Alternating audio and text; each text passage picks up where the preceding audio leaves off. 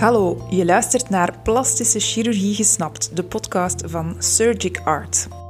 Wij zijn plastisch chirurgen Nicolas Wilsons En Margot den Hond. en het is ons doel om jou een realistische kijk te geven op wat wij doen en plastische chirurgie dichter bij jou te brengen. Ik ben Nicolas, ik werk in het Sint-Trudo ziekenhuis en in de Essence praktijk, beide gevestigd in Sint-Truiden. En ik ben Margot, ik werk in het ziekenhuis Oost-Limburg, dat is in Genk, Lanaken en Mazeik. Je kan ons vinden op Instagram en op Facebook onder de naam @artinsurgery, telkens met een puntje tussen, of op onze website www.plastischechirurgielimburg.be in één woord. In onze rubriek Dokter, ik heb een vraag beantwoorden een vraag die we regelmatig te horen krijgen. En de vraag die we vandaag beantwoorden gaat als volgt.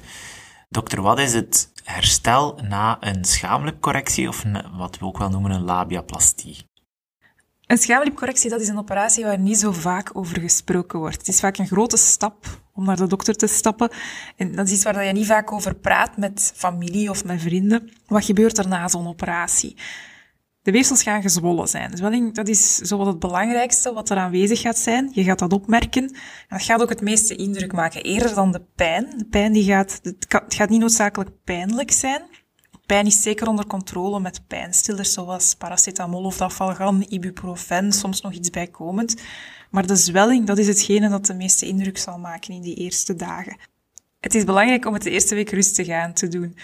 Eventueel met een kussen onder jouw billen te rusten, zodat de zwelling zo weinig mogelijk kans krijgt om, ehm, om te ontwikkelen. Door de zwaartekracht gaat er meer vocht blijven staan, door lang recht te staan gaat er meer vocht te blijven staan. IJs of koude applicatie gaat helpen. En dan ga je best meerdere keren per dag korte periodes koude aanbrengen. Nooit ijs rechtstreeks op een wonde of rechtstreeks op de huid aanbrengen, maar regelmatig die koude appliceren gaat ervoor zorgen dat die zwelling meer onder controle blijft. Soms gaan we patiënten ook een laxerend middel geven om het persen wat te vermijden in de eerste week, om zo weinig mogelijk druk te zetten op de weefsels die al gezwollen zijn. Als je naar het toilet gaat, dan gaan we vragen om te spoelen met lauw water bijvoorbeeld, of met flacons met fysiologisch water of een spray. Maar zeker niet om elke keer te ontsmetten, want vaak ontsmetten gaat de normale vaginale flora verstoren en dat is zeker niet de bedoeling.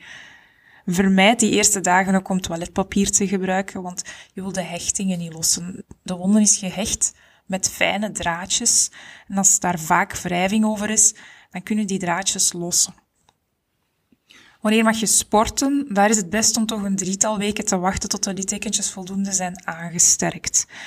En wat betreft het gebruik van tampons of seksuele activiteit is het zelfs best om 8 tot 12 weken te wachten voordat je start. Dat de littekens echt een maximale sterkte hebben bereikt en dat er geen risico is op openvallen van de wonden.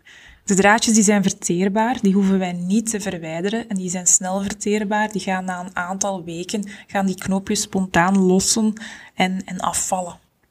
Maar ik denk dat de belangrijkste boodschap is, luister naar jouw lichaam. We genezen net allemaal iets anders, dus het is vooral belangrijk om te luisteren. Wat is comfortabel? Wat lukt er? Wat lukt er niet? De grootste stap ligt niet zozeer in de operatie zelf, maar is vaak het naar ons toe komen en de vraag durven stellen. En zo, hopelijk hebben we hier jou alvast mee op gang gezet. Dankjewel, dat was het duidelijk antwoord.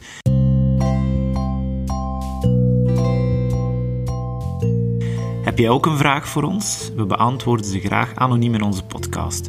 Stuur ons jouw vraag via onze website, ons e-mailadres of onze social media. Deze kan je terugvinden in de beschrijving onder deze aflevering. Dankjewel voor het luisteren.